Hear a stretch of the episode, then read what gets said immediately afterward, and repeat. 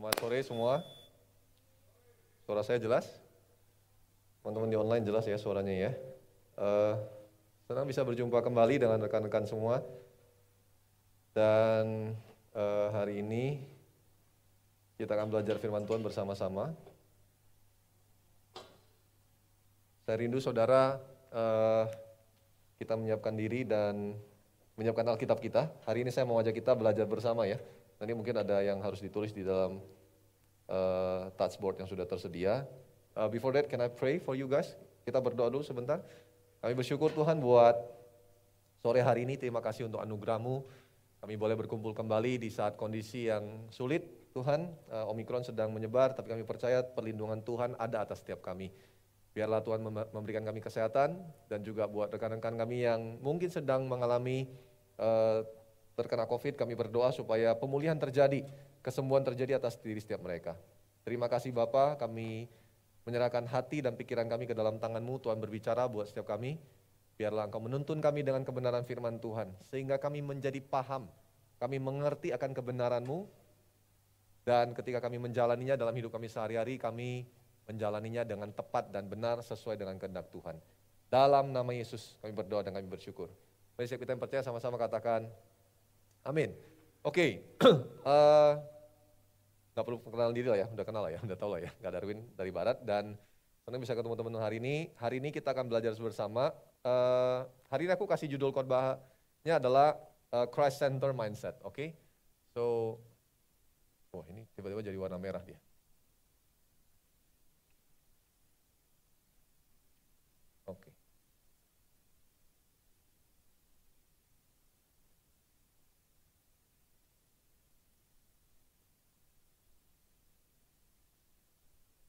Kenapa kita perlu mengerti tentang uh, Christ Center Mindset?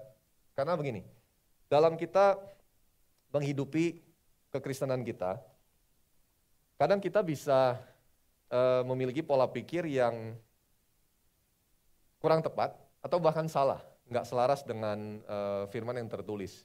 Kalau kita nggak memahami pola pikir kita tidak selaras dengan firman, akibatnya adalah praktek kekristenan kita setiap hari itu jadi salah.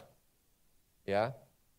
Dan biasanya pola pikir kita terbentuk itu dari sebuah proses perjalanan yang baik kita mungkin dari keluarga Kristen tadinya, dari orang tua kita, atau mungkin kita bukan keluarga Kristen, tapi kita adalah komunitas, kita adalah orang muda yang bertumbuh dari komunitas sejak kita masih muda, dari sekolah mungkin, bertumbuh dalam komunitas Kristen. Ada pola-pola pikir yang terbentuk dari ajaran-ajaran yang sudah diterapkan. Nah, saudara kita tahu, uh, Abalov sendiri melewati sebuah masa perjalanan 40-an tahun, dan ada banyak pencerahan-pencerahan, enlightenment and enlightenment yang secara progresif yang Tuhan kasih buat kita. Nah, makanya hari ini kita mau belajar bersama, what is actually Christ Center Mindset, supaya kita bisa paham. Nah, aku mau ajak kita baca firman Tuhan bersama-sama di dalam Lukas pasal yang kelima, ya mari buka bersama, Lukas pasal yang kelima, ayat yang ke-17 sampai dengan ayat yang ke-35. Jadi uh, kisah ini memberikan beberapa poin atau uh, sudut pandang yang cukup unik karena kisah-kisah ini menggambarkan benar bahwa ada pola pikir yang sudah terbentuk di dalam kehidupan orang Israel, orang Yahudi khususnya di zaman itu. Dan ketika Yesus datang, Yesus ditentang terus menerus, bukan cuma sekali tapi terus menerus. Karena apa yang Yesus bawa di dalam kehidupan dia sebagai manusia di waktu itu dan juga sebagai seorang guru besar rabi itu memberikan banyak pertentangan di antara mereka. Nah, ini contoh-contohnya kita mau baca bersama ya. Lukas pasal yang kelima ayat 17 sampai 35. Uh, saya ingin membacanya dengan saudara bergantian. Oh, gini aja. Pria 17, wanita 18 bergantian sampai dengan ayat yang uh, ke-35 ya. Siap para pria? Pria, come on. Gembala saudara masih pria, dia lagi concern. Oke, okay, mari baca bersama Lukas 5 ayat 17. Pada suatu hari, ketika Yesus mengajar, dan ahli Taurat duduk mendengarkannya. Mereka datang dari semua desa di Galilea dan Yudea dan dari Yerusalem. Kuasa Tuhan menyertai dia, sehingga ia dapat menyembuhkan orang sakit. Silakan para wanita.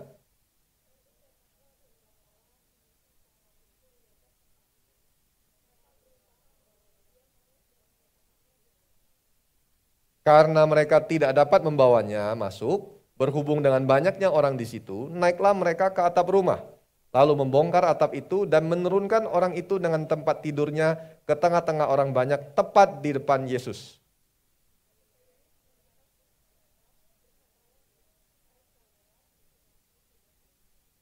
Tetapi ahli-ahli Taurat dan orang-orang Farisi berpikir dalam hatinya, siapakah orang yang menghujat Allah ini? Siapa yang dapat mengampuni dosa selain daripada Allah sendiri?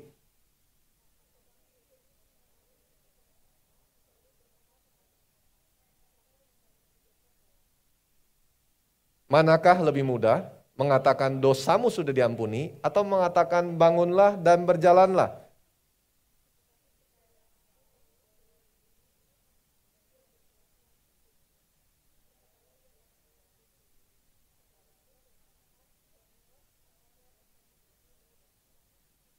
Dan seketika itu juga bangunlah ia di depan mereka, lalu mengangkat tempat tidurnya dan pulang ke rumahnya sambil memuliakan Allah.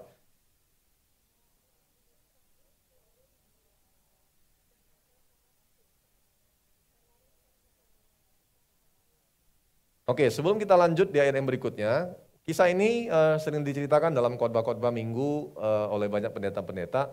Tapi hari ini saya mengajak saudara melihat mungkin dari angle yang berbeda. Dari kisah ini, ya tadi kita membahasnya di Lukas 5, saya akan tulis dulu. Lukas 5, ayat yang ke-17 sampai 35. Kita menemukan dari ayat yang kita baca, orang Farisi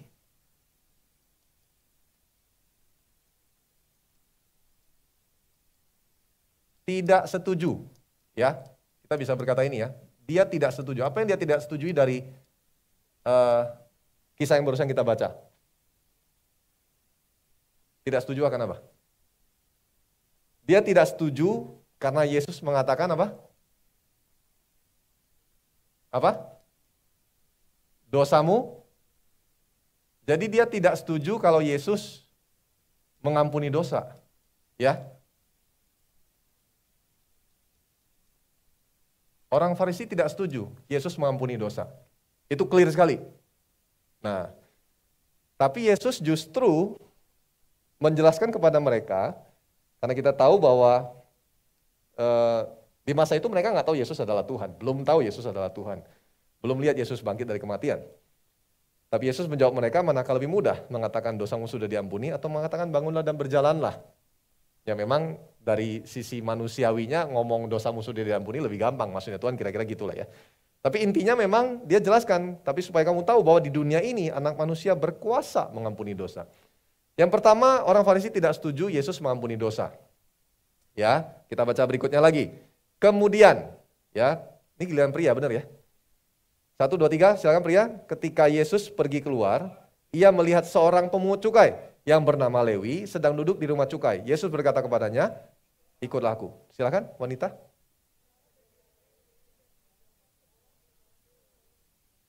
Dan Lewi mengadakan suatu perjamuan besar untuk dia di rumahnya dan sejumlah besar pemungut cukai dan orang-orang lain turut makan bersama-sama dengan dia.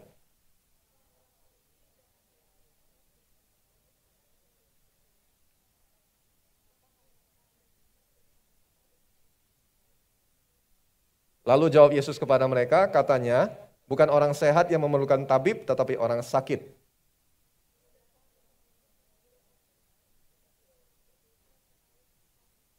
Yang kedua di kisah ini mereka tidak setuju apa? Mereka tidak setuju apa? Mereka tidak setuju Yesus makan bersama orang berdosa, betul?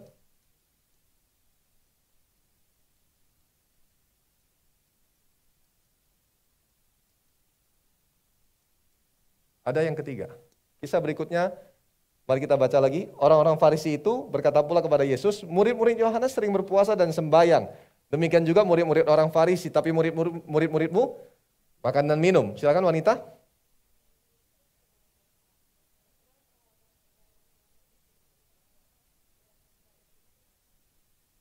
Tetapi akan datang waktunya Pada waktu itulah mereka akan berpuasa.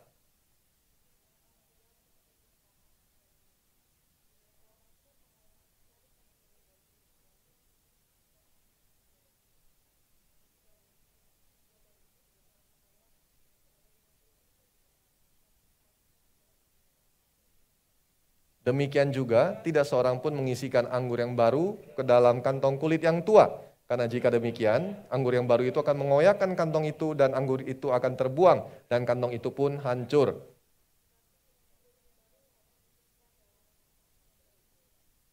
Dan tidak seorang pun yang telah minum anggur tua ingin minum anggur yang baru sebab ia akan berkata anggur yang tua itu baik. Bukan enak loh baik. Lucu ya, anggur yang tua itu baik, bukan enak.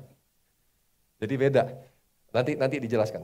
Yang ketiga, Yesus uh, sorry, orang Farisi tidak setuju apa? Murid Yesus tidak berpuasa.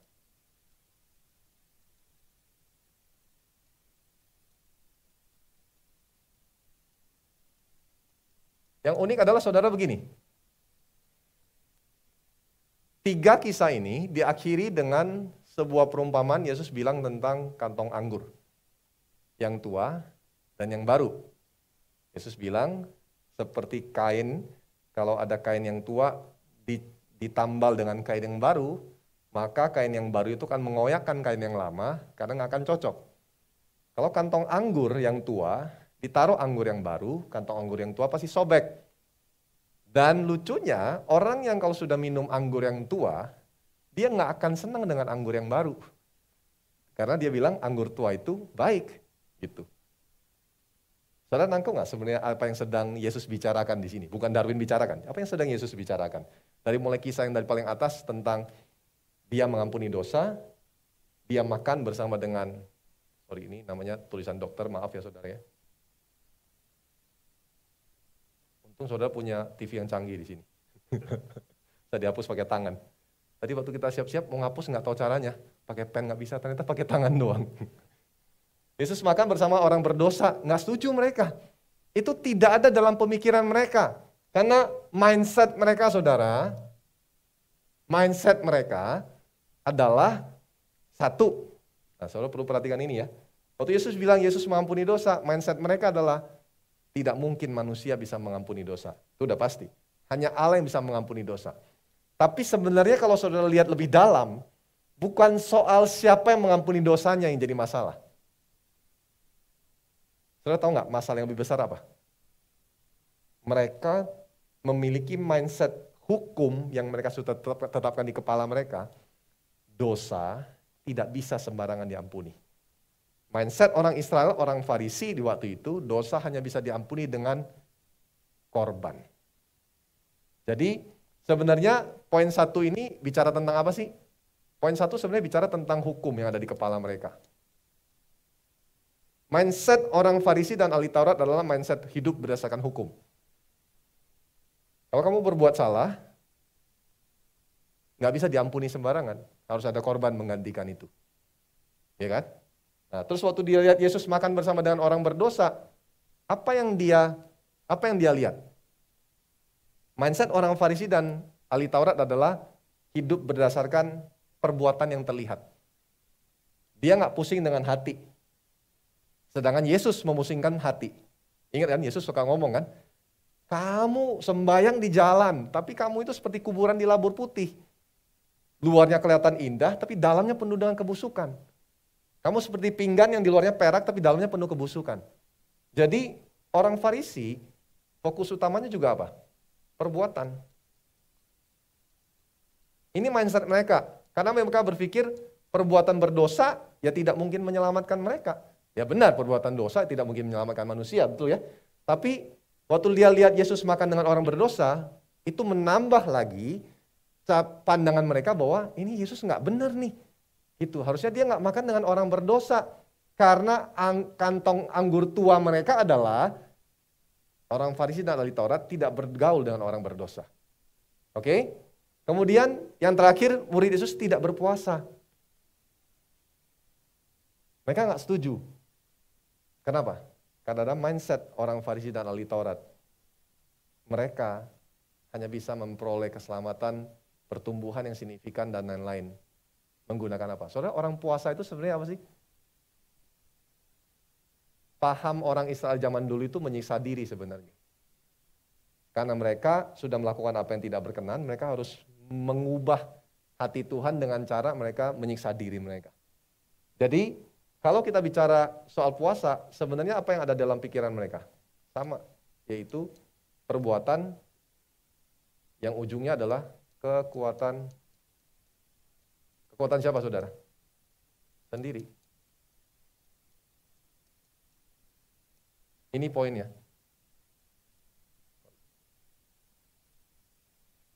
Nah saudara, inilah yang menjadi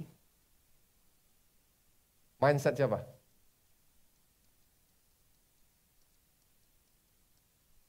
Israel di zaman itu. Saudara perhatikan deh uh, di mana satu negara kalau dia punya pemerintahan yang lebih dominan terhadap sesuatu, contoh negara kita ya. Mindset negara kita ini kan mindset yang pokoknya pemuka agama kalau dia terkenal, punya pengikut banyak, besar, maka dia paling benar. Saudara perhatikan deh, itu terjadi di negara kita. Mau agama mana pun. Pokoknya kalau dia besar, masanya banyak, terkenal, dia ngomong apa pun pasti benar. Nah saudara perlu tahu bahwa di masa itu, mindset dari orang Farisi dan ahli Taurat itu menjadi mindset dari keseluruhan orang Israel. Buktinya apa? Nah, kita lihat bersama ya di kitab Roma. Saya mau ajak saudara membaca kitab Roma. Roma pasal yang ke-9. Mari lihat bersama-sama. Inilah yang diungkapkan oleh Paulus supaya orang-orang Roma Waktu itu orang-orang Yahudi di Roma bisa mengerti bahwa inilah mindset yang selama ini dipelihara oleh orang-orang Israel. Roma pasal ke-9 ayat 30 sampai dengan 33. Kalau saudara sudah dapat, saya akan bacakan buat saudara. Dia berkata, jika demikian apakah yang hendak kita katakan? Ini, bahwa bangsa-bangsa lain yang tidak mengejar kebenaran, telah beroleh kebenaran. Yaitu kebenaran karena iman. Tetapi bahwa Israel sungguh pun mengejar hukum yang akan mendatangkan kebenaran, tidak sampai kepada hukum itu. Mengapa tidak? Karena Israel mengejarnya bukan karena iman, tetapi karena apa? Perbuatan.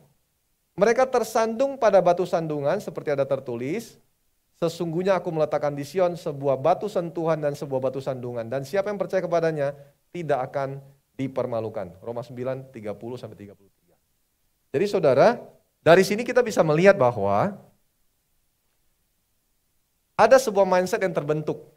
Dan Paulus mengungkapkannya di dalam Roma pasal ke-9, 31 sampai 33. Saya ajak saudara lanjut lagi, baca sedikit lagi. E, langsung saja nyambung. Pasal 10 ayat 1 sampai 3. Dan Paulus bilang lagi, saudara-saudara, keinginan hatiku dan doaku kepada Tuhan ialah supaya mereka diselamatkan. Sebab aku dapat memberi kesaksian tentang mereka. Bahwa mereka sungguh-sungguh giat untuk Allah. Ini orang Israel loh yang disingkapkan. Tetapi tanpa pengertian yang benar. Saudara bayangkan gak? Mengerikan loh. Orang bisa sungguh-sungguh giat untuk Allah ditulisnya. Tapi tanpa pengertian yang benar. Sebab oleh karena mereka, ayat yang ketiga, tidak mengenal kebenaran Allah. Dan oleh karena mereka berusaha untuk mendirikan kebenaran mereka sendiri, maka mereka tidak takluk kepada kebenaran Allah. Jadi dari Roma 9 ayat 30 sampai 33, kemudian lanjut Roma 10 ayat 1 sampai 3, kita menemukan ada tiga hal sebenarnya yang berkaitan dengan yang ini, mindset ini. Yaitu apa? Saudara, yang pertama, mereka mengejar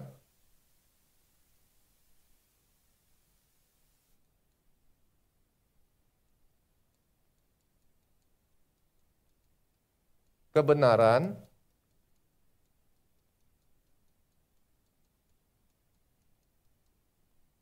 tanpa apa saudara? Iman. Terus yang kedua, yang kedua dikatakan apa? Mereka mengejar Allah, giat untuk Allah, tapi apa? Tanpa yang pertama tanpa iman, yang kedua tanpa pengertian yang benar.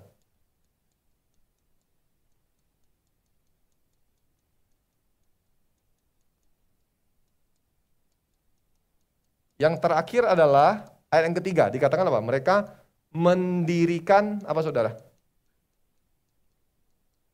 Kebenaran mereka sendiri. Jadi saudara lihat polanya, makin lama makin mengerikan. Makanya mereka dengan gampang menghakimi orang lain. Kenapa saudara? Karena mereka ujungnya mendirikan kebenaran mereka sendiri. Wah ini mengerikan saudara. Kalau kehidupan kekristenan kita begini, mengerikan. Dan ada loh hari ini orang-orang yang menghidupi kekristenan dengan cara pemahaman mereka sendiri. Nggak punya pengertian yang benar. Akhirnya mereka mendirikan kebenaran mereka sendiri. Nah jadi seharusnya kita seperti apa? Apa yang Tuhan rindukan ada dalam kehidupan kita. Tuhan nggak mau kita seperti orang-orang Farisi dan ahli Taurat yang mempertahankan kantong kulit yang tua, Padahal Tuhan mau curahkan anggur yang baru. Cara satu-satunya adalah mindsetnya harus dirubah. Kantong kulitnya yang harus berubah. Harus diganti dengan kantong kulit yang baru. Nah saudara, Kak Kevin dan juga rekan-rekan leadership belakangan ini sudah banyak menyampaikan kepada saudara tentang bagaimana kita memandang kepada Kristus. Berpusatnya kepada Kristus, bukan perbuatan kita. Karena memang dalam perjalanan kita melayani Tuhan, tanpa sadar kita bisa fokusnya kepada perbuatan, kepada kekuatan kita sendiri. Nah saudara, mindset ini sebenarnya adalah bukan Christ center. Mindset ini adalah mindset self-center sebetulnya. Karena demi untuk diri sendiri. Padahal kalau Kristus yang jadi pusatnya, tidak akan untuk diri sendiri. Karena seperti tema pernikahan dari Kak Kevin, dari Tuhan, oleh Tuhan, dan untuk Tuhan. Harusnya itu dong hidup kita. Coba lihat samping kanan kiri bilang, lo itu dari Tuhan oleh Tuhan dan untuk Tuhan, betul ya? Sadar kan saudara ya? Saudara di dalam kandungan ya dari Tuhan. Kau yang ada di rumah ingat, kau dari Tuhan loh. Yang membuat saudara siapa? Oleh Tuhan yang menggambar saudara dengan jelas. Gitu, garis hidupmu dan lain-lain. Dan hidupmu untuk siapa? Ya untuk Tuhan. Nah kalau kita memahami ini, maka kita akan tahu, oh inilah pemahaman yang benar. Nah kalau demikian bagaimana dengan Christ Center Mindset itu? Apa maksudnya? Apakah Christ center mindset lantas Christ center mindset berarti tidak perlu berbuat apa-apa, tidak ada perbuatan? Apakah Christ center mindset berarti bicara tidak ada lagi aturan yang menjaga kita? Apakah Christ center mindset bicara tentang tidak ada lagi kebenaran bahkan? No. Enggak begitu. Makanya kita mau lihat sama-sama ya. Saya ajak saudara membaca di dalam uh, lanjut dulu Roma 10 ayat yang keempat karena tadi sama yang ketiga. Satu ayat saja yang keempat. Mari baca bersama. Satu, dua, tiga. Sebab sehingga kebenaran diperoleh tiap-tiap orang yang percaya. Sebab Kristus adalah kegenapan hukum Taurat yang tadinya dipercaya sama orang-orang Farisi dan orang-orang uh, ahli Taurat sebagai aturan-aturan yang mereka harus ikuti, hukum, dan mereka berjuang dengan perbuatan dan kekuatan mereka sendiri, sebenarnya digenapkan, digenapi di dalam Kristus Yesus. Nah, karena Kristus adalah kegenapan hukum Taurat dikatakan dalam kitab Roma 10 ayat yang keempat ini, sehingga kebenaran diperoleh tiap-tiap orang percaya. Kalau saudara memilih untuk mengikut Kristus, maka saudara hari ini memperoleh pembenaran dan kebenaran. Kita tadinya berdosa, tapi dengan kematian Yesus di kayu salib, kita dibenarkan karena dia mewakili kita. Menjadi sulung di antara semua. Saudara kita dibenarkan. Tapi ketika kita dibenarkan, kita juga beroleh kebenaran. Sehingga dalam perjalanan, kita mampu hidup sebagai orang benar. Prakteknya bagaimana? Ya, Oke, sebelum kita lihat prakteknya mungkin gini, saudara. Uh, saya mau ajak saudara merenung dulu sebentar gini. Adakah saudara menjumpai hidup saudara hari ini banyak hukum yang saudara buat untuk diri saudara sendiri. Contoh ya, kalau saya pernah di masa-masa dulu sebelum saya paham gitu ya, saya bisa punya pemikiran gini loh. Contoh, satu kali saya uh, sedang mau apa namanya, mau les mau les uh, sebuah keahlian, saya ditransfer uang, Terus tiba-tiba saya ditipu orang saudara. Jumlahnya signifikan. Waktu zaman itu kira-kira tahun 2005, 2005, eh sorry 2002 tepatnya. Saya ditipu satu setengah juta sama orang.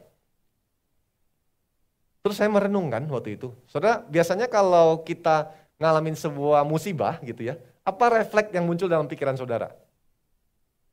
Ini refleks orang-orang yang menetapkan aturan hukum di dalam kekristenan. Biasanya nih, biasanya yang muncul adalah, gue dosa apa kemarin ya?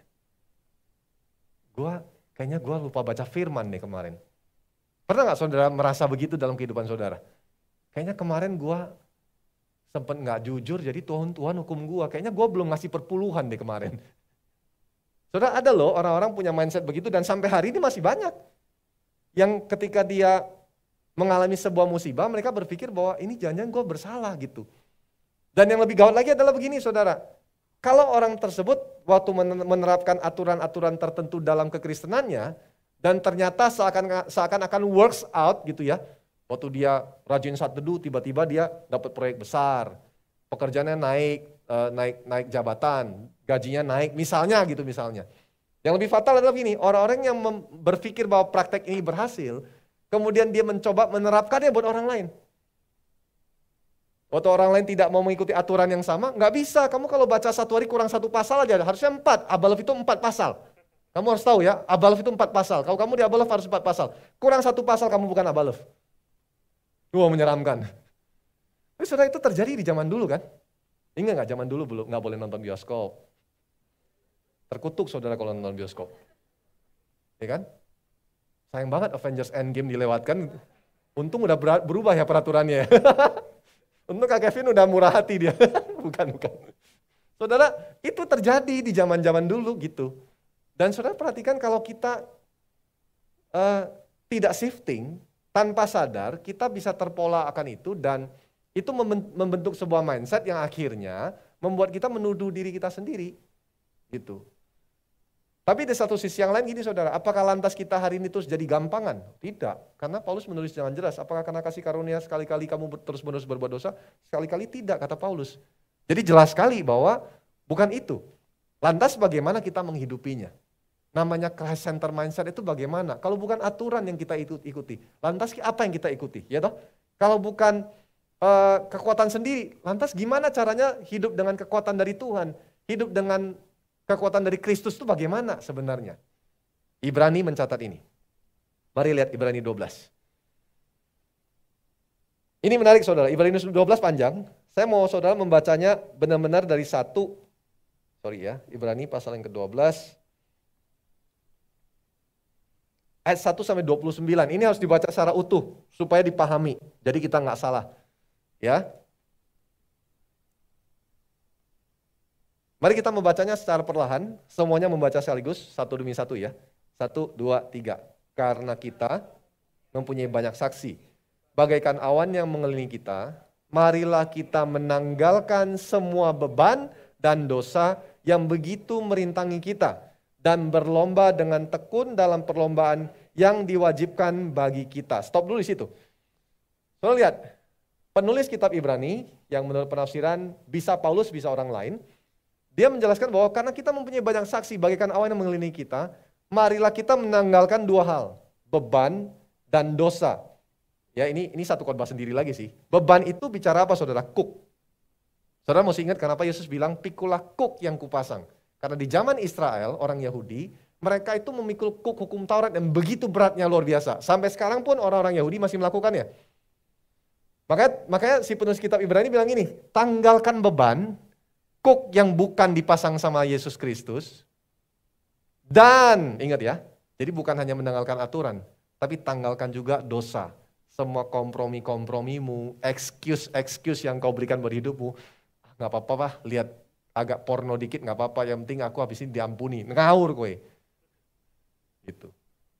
Tanggalkan beban dan dosa dia bilang.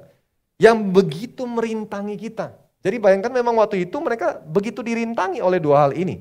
Dan berlomba dengan tekun dalam perlombaan yang diwajibkan bagi kita. Jadi ada juga yang namanya perlombaan dengan tekun yang harus kita jalani. Karena ini diwajibkan bagi kita dalam dalam uh, dalam tulisan ini. Tapi ayat yang kedua dikatakan gini, baca dengan suara nentang. Satu, dua, tiga. Marilah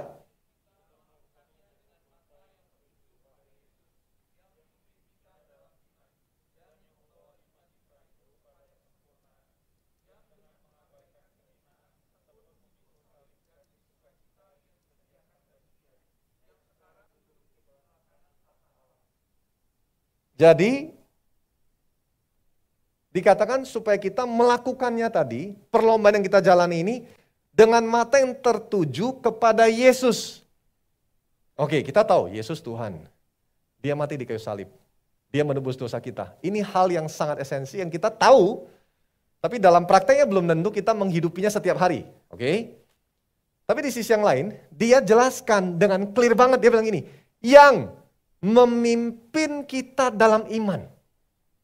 Saudara mesti ngerti, paham kata memimpin dalam iman. Artinya gini saudara, kita hidup dalam kekristenan kan mau bertumbuh dalam iman, setuju ya? Mau bertumbuh dalam iman. Kita mau mengalami pertumbuhan dari iman kepada iman. Roma 1, sebab Injil adalah kekuatan Allah yang memimpin kita bertolak dari iman kepada iman. Ini kita mau. Nah, Yesus dikatakan sebagai apa? Sulung di antara semua saudara. Namanya dia memimpin, dia ada di mana saudara? Kalau saudara ikut hukum baris berbaris, selalu ada satu pemimpin yang utama, dan tugas saudara yang paling utama adalah ikut dia, perhatikan dia. Mata saudara harus tertuju pada dia, betul? Jadi kalau dikatakan Yesus yang memimpin kita dalam iman, bayangkan nggak saudara? Bingung nggak hidup? Masih bingung nggak hidup jadi orang Kristen kalau Yesus yang memimpin? Nggak bingung saudara. Sama seperti kenapa Israel keluar dari Mesir ada tiang awan dan tiang api. Sebenarnya itu adalah makna kiasan yang menggambarkan itulah itulah kira-kira gambarannya. Kalau dipimpin itu nggak bingung. Sekalipun di padang gurun yang arahnya nggak jelas. Tapi selama tiang awan dan tiang api jalan dan mereka ngikut, nggak akan tersesat saudara. Nah masalahnya adalah kita sering kali melakukannya bukan dengan mata yang tertuju pada Yesus. Kita melakukan perjalanan rohani kita dengan mata yang tertuju pada diri kita sendiri, kesalahan-kesalahan kita, atau justru sebaliknya kelebihan-kelebihan kita, kehebatan-kehebatan kita, yang membuat apa akhirnya? Kita kecewa dan berjalan hanya di tempat itu saja. Atau kita tersesat jalannya karena bukan Yesus yang memimpin. Jadi kalau dikatakan uh, Christ center mindset, sederhana saudara. Yang pertama, Yesus yang memimpin. Nah sekarang coba tanya sama dirimu. Selama ini hidup setiap hari bekerja, kuliah, sekolah, melayani di gereja, ada di komsel, berhubungan satu dengan yang lain, ada di keluarga, bersama dengan orang tuamu, dengan saudara-saudaramu, dalam kau berkata-kata, dalam kau bertingkah laku, dalam melakukan segala sesuatu. Pertanyaannya, siapa yang mimpin? Christ center mindset adalah lakukanlah ini dengan mata yang tertuju kepada Yesus yang memimpin saudara dalam iman. Ada orang berusaha bilang sama Yesus gini, udah Tuhan geser, aku aja yang mimpin deh. Atau mungkin gak sampai se ekstrim itu, Tuhan kalau masalah uang Tuhan mimpin deh, aku kurang canggih soalnya. Tapi kalau pasangan, jangan Tuhan, aku yang mimpin, aku yang atur, aku yang pilih Tuhan. Aku tahu yang paling baik buat aku, Tuhan nanti aja. Ini ini ngomongnya mungkin seakan-akan uh, uh, ekstrim gitu ya, tapi realitanya ada orang mempraktekkan begitu dalam kehidupan dia gitu. Nah saudara kalau Tuhan memimpin tuh gimana sih caranya? Nah ini penting. Apakah ngawang gitu? Enggak, enggak. Satu, Tuhan memimpin jelas pasti melalui firman. Kalau saudara nggak pernah baca firman, saudara nggak bisa bilang hidup saya dipimpin Tuhan. Ngaur saudara. Oh, saya berdoa kak, saya dapat penglihatan. Ngaur saudara, karena nggak ada firmannya. Satu. Yang kedua, Tuhan mimpin dengan cara apa? Tubuh. Itulah fungsi tubuh. Karena dia kepala, dia menggerakkan tubuh untuk membawa saudara bertumbuh dari iman kepada iman. Makanya makanya kalau saudara berkata bahwa oh saya dapat nasihat langsung dari Tuhan, saya nggak pusing dengan orang-orang di sekeliling saya nasihatin saya. Ngawur saudara. Ada orang nanya saya gini, Kak, gimana sih cara taunya ini waktunya yang paling tepat untuk saya punya pasangan? Saya bilang, jelas kamu doa, ya kan? Terus kamu tanya Tuhan secara personal, baca firman, apa yang kamu temukan di situ tentang hidupmu. Dari firman Tuhan tentang hidupmu, ya kan? Maksudnya kata Tuhan tentang engkau. Perkataan Tuhan tentang engkau, siapa engkau dan siapa statusmu dan bagaimana engkau. Oke? Tapi di sisi yang lain, Kamu coba tanya sama orang-orang terdekatmu yang kamu dapat percaya. Tentunya kakak-kakak rohanimu, saudara seimanmu. Tanya sama dia dengan clear gini, tanya. Kak Kevin, menurut Kevin ini waktunya saya punya pasangan nggak ya kak? Kalau dia jawab iya, kamu sih tanya, kenapa kak menurut kak Kevin ini waktunya saya punya pasangan? Kalau kak Kevin nggak bisa jelasin, berarti dia sembarangan jawab. Dia harusnya bisa jawab, iya karena kak Kevin lihat kamu cukup dewasa dalam merespon. Kamu secara pekerjaan juga sudah cukup settle. Walaupun kamu nggak kaya, gajimu nggak besar, gitu ya, ketawa. Ada yang berharap bertemu dengan orang kaya kah gitu? Tapi harus bisa dijelaskan doh. Nah orang-orang sekelilingmu tidak mungkin mencelakakan engkau. Kalau engkau yakin mereka orang yang bisa dipercaya, itulah tubuh. Nah itulah cara kerja Kristus dalam hidup kita. Pertanyaannya hari ini buat kita semua adalah, apakah Yesus memimpin? Kalau Yesus nggak lagi memimpin, ya bingung ya gitu gimana mau bertumbuh. Gitu. Yang ada kita tersesat dalam kehidupan kita. Nah terus dikatakan yang memimpin kita dalam iman dan apa saudara? Dan apa? Yang membawa iman kita itu kepada kesempurnaan.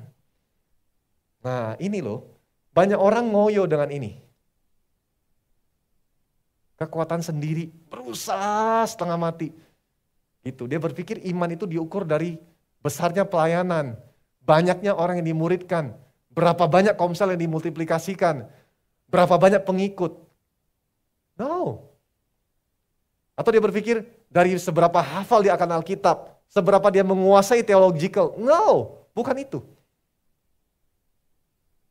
Karena sebenarnya rahasia yang terbesarnya adalah gini saudara. Yang membawa iman saudara kepada kesempurnaan itu bukan saudara. Tapi Kristus. Bukan saya ngomong, tertulis jelas. Yesuslah yang membawa iman kita ini kepada kesempurnaan. Bagian kita apa? Ngikut. Maka dibilang ikut Yesus. Kalau kita ngikut Yesus, dia memimpin kita dan dia akan bawa iman kita kepada kesempurnaan. Jadi inilah Christ center mindset. Yesus yang memimpin. Dan Yesus juga yang membawa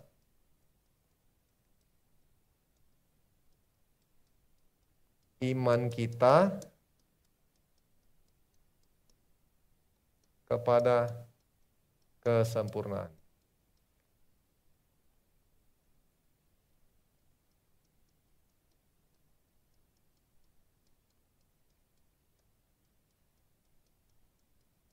Oke. Next, kita baca lagi. Yang dengan mengabaikan kehinaan, tekun memikul salib ganti sukacita yang disediakan bagi dia. Saudara mesti ngerti ayat ini maksudnya adalah gini. Karena ayat ini tuh susah dimaknai ya, susah dipahami.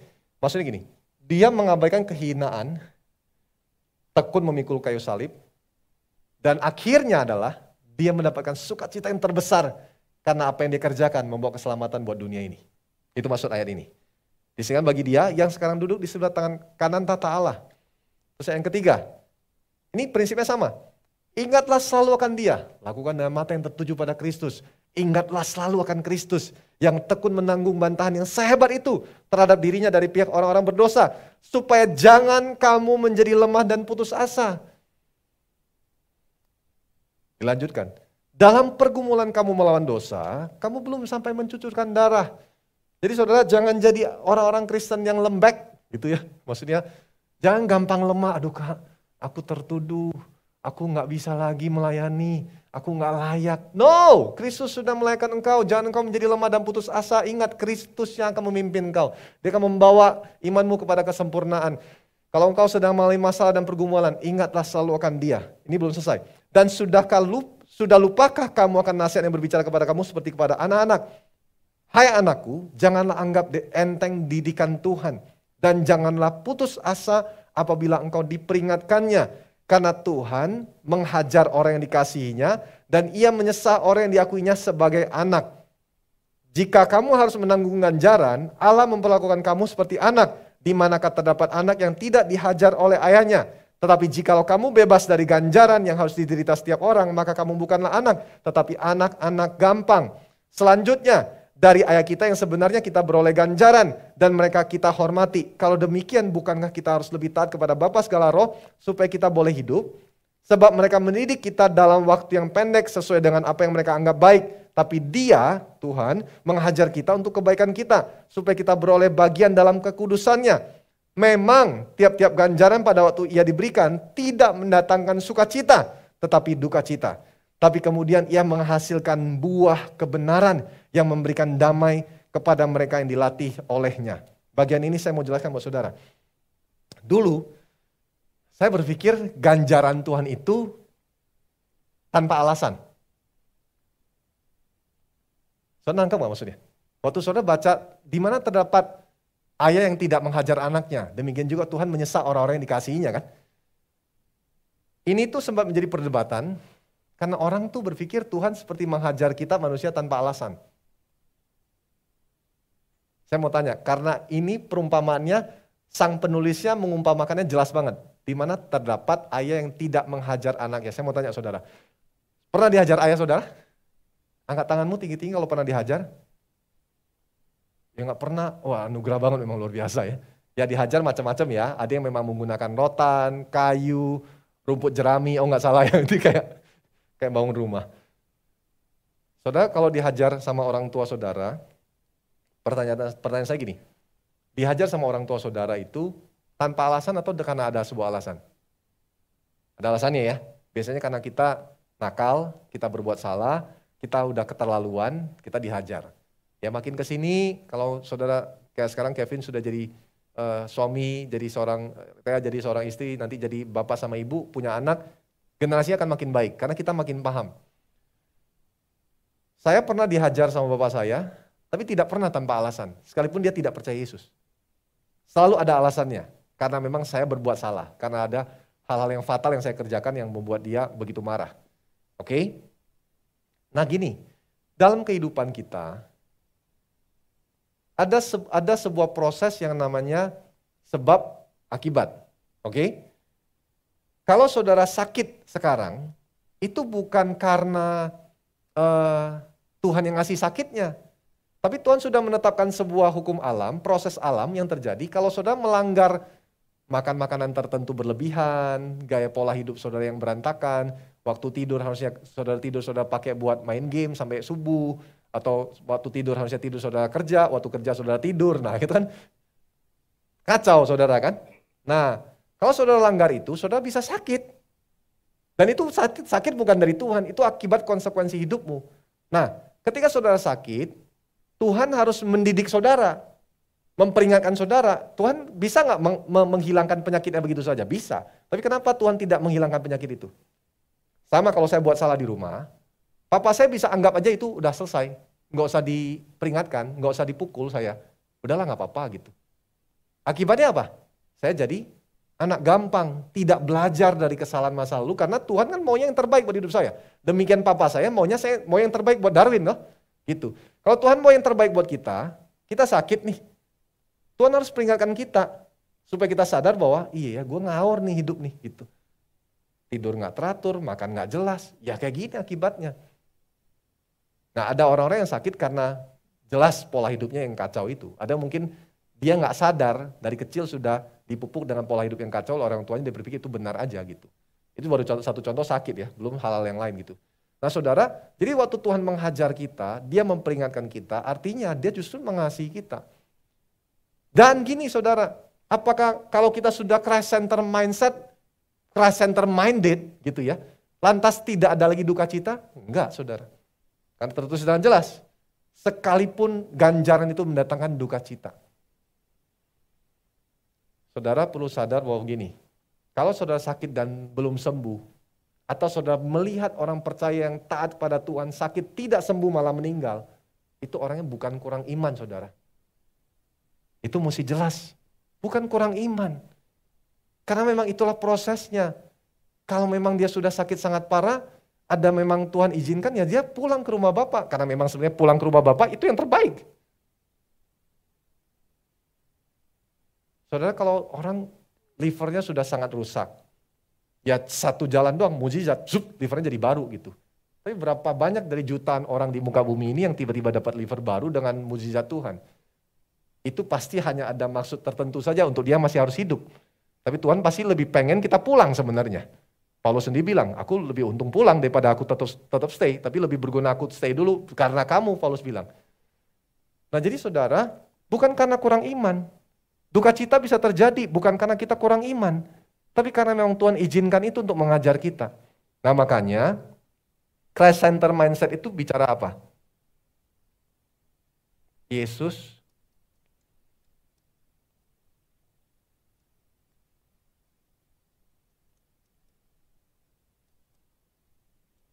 juga menghajar orang yang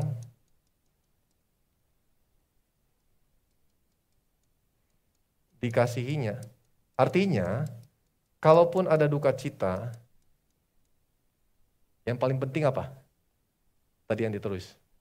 Ujungnya adalah buah kebenaran yang saudara akan peroleh. Ini yang jauh lebih berharga dari apa pun juga. Makanya Ayat berikutnya bilang begini. Ini saya akan sudahi sudah terakhir. Sebab itu kuatkanlah tangan yang lemah dan lutut yang goyah. Luruskanlah jalan bagi kakimu sehingga yang pincang jangan terplecok tetapi menjadi sembuh. Berusahalah hidup damai dengan semua orang dan kejarlah kekudusan sebab tanpa kekudusan tidak seorang pun akan melihat Tuhan.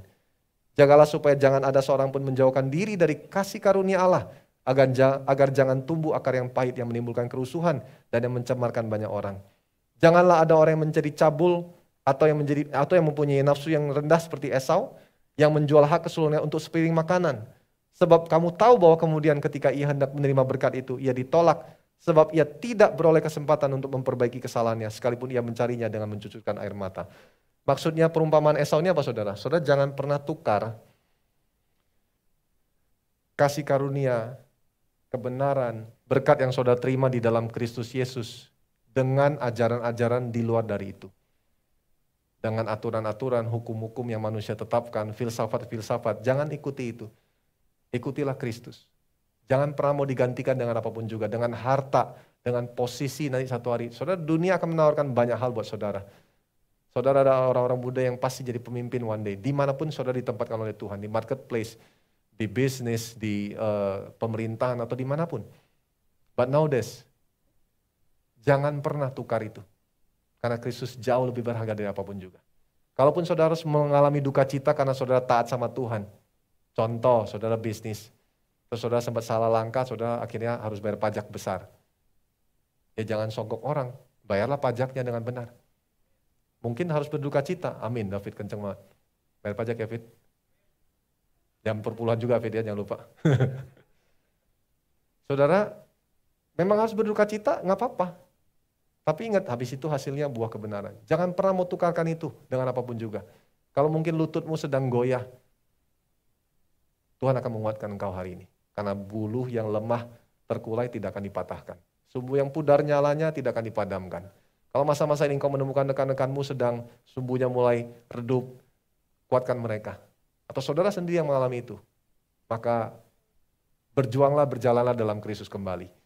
Pandanglah dia, ingatlah akan dia maka nyalamu akan lebih terang lagi.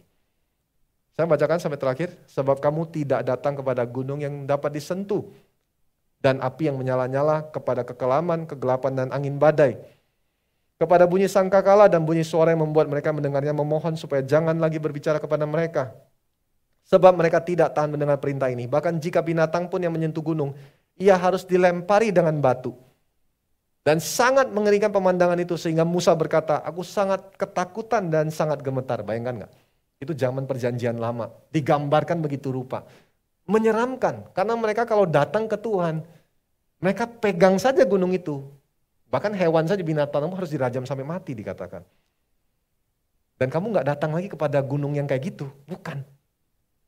Si penulis kitab Imaria bilang, tetapi kamu sudah datang ke Bukit Sion, ke kota Allah yang hidup, Yerusalem sorgawi dan kepada beribu-ribu malaikat suatu kumpulan yang meriah dan kepada jemaat anak-anak sulung yang namanya terdaftar di sorga dan kepada Allah yang menghakimi semua orang dan kepada roh-roh orang-orang yang benar yang telah menjadi sempurna dan kepada Yesus pengantara perjanjian baru dan kepada darah pemercikan yang berbicara lebih kuat daripada darah Habel jagalah supaya kamu jangan menolak dia yang berfirman.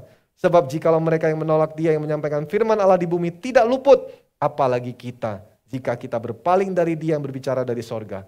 Waktu itu suaranya menggoncangkan bumi, tapi sekarang ia memberikan janji. Satu kali lagi aku akan menggoncangkan bukan hanya bumi saja, melainkan langit juga. Ungkapan satu kali lagi menunjuk kepada perubahan pada apa yang dapat digoncangkan. Karena ia dijadikan supaya tinggal tetap apa yang tidak tergoncangkan.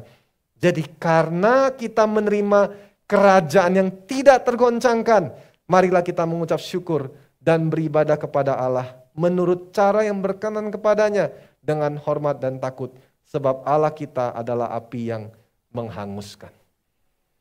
Saudara perlu waktu untuk baca kembali, renungkan kembali, kalau perlu belajar komenterinya saudara cari Ibrani 12 ini karena sangat banyak hal yang begitu luar biasa yang Tuhan singkapkan melalui Ibrani 12 ini. Saya nggak bisa jelaskan terlalu panjang, tapi prinsipnya begini saudara. Pola pikir yang berpusatkan kepada Kristus sangat sederhana. Ingat bahwa bukan saudara yang melakukan semua ini, Kristus yang berinisiasi, dia yang memulai. Kalau saudara ingat satu yang berkata begini, dia yang memulai pekerjaan baik di dalam kamu, dia juga yang akan meneruskannya sampai akhir. Kadang kita suka pikir kita yang mulai, padahal Kristus yang mulai. Atau kita suka pikir kita yang kerjain prosesnya. Padahal Kristus juga yang menemani kita dalam perjalanan itu, dia yang memimpin kita dalam iman. Dia juga yang akhirnya membawa iman itu pada kesempurnaan. Memang dalam prosesnya kadang-kadang gak enak. Ada banyak tantangan bisa terjadi. Kita bisa ngalamin duka cita dalam hidup.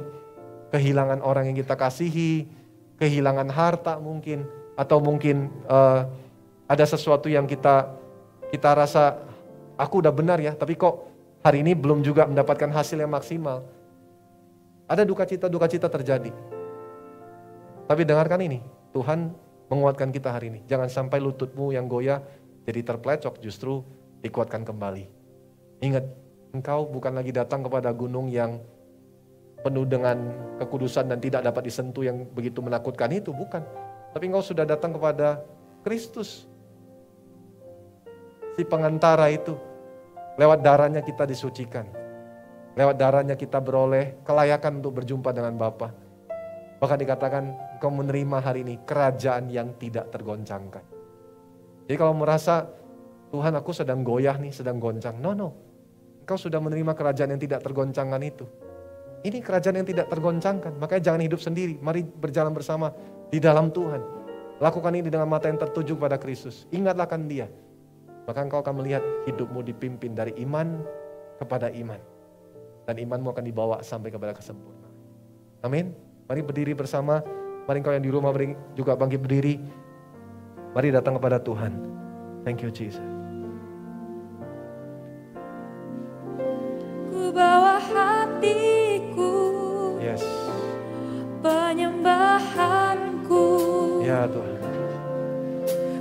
Ku semakin berkurang. Yesus makin bertambah Ku bawa hatiku. Penyembahanku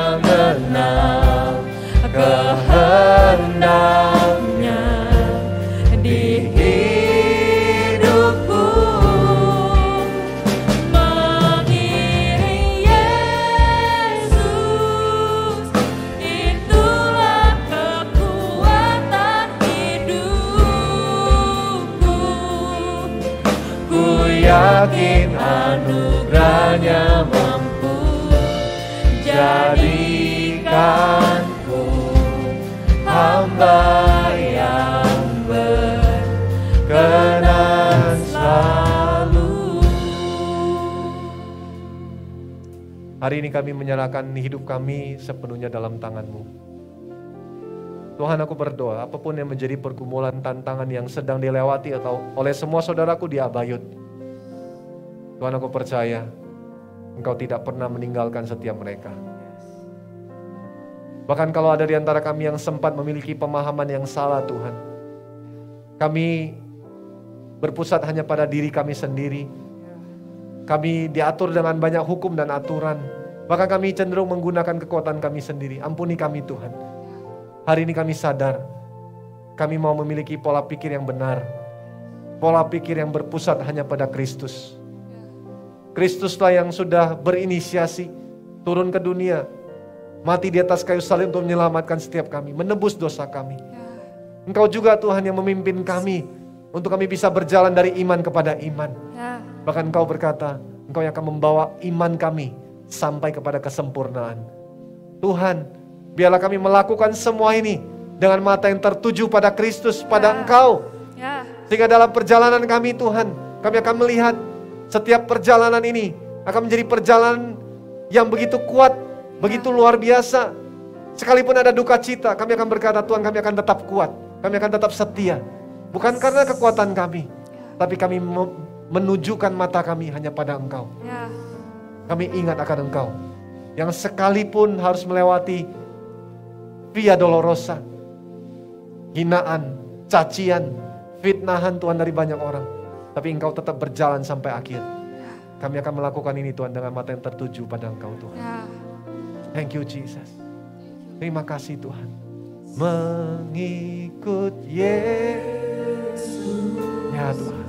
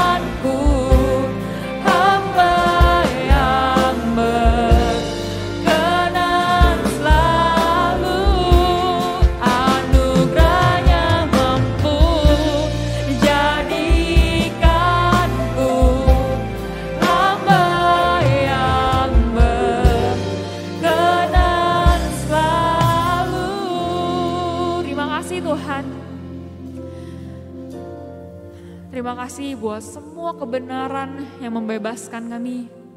Terima kasih buat pengorbananmu, terima kasih buat rencanamu, buat kehidupan kami. Biar hari ini kami sadar, buat hati kami dan mata kami tertuju hanya kepadamu Tuhan. Biar hati kami terus teguh di dalam iman karena kami memim, karena kami melihat Engkau, mata kami tertuju pada Engkau yang memimpin kami. Terima kasih Tuhan buat hari ini kami bersyukur di dalam nama Yesus. Amin.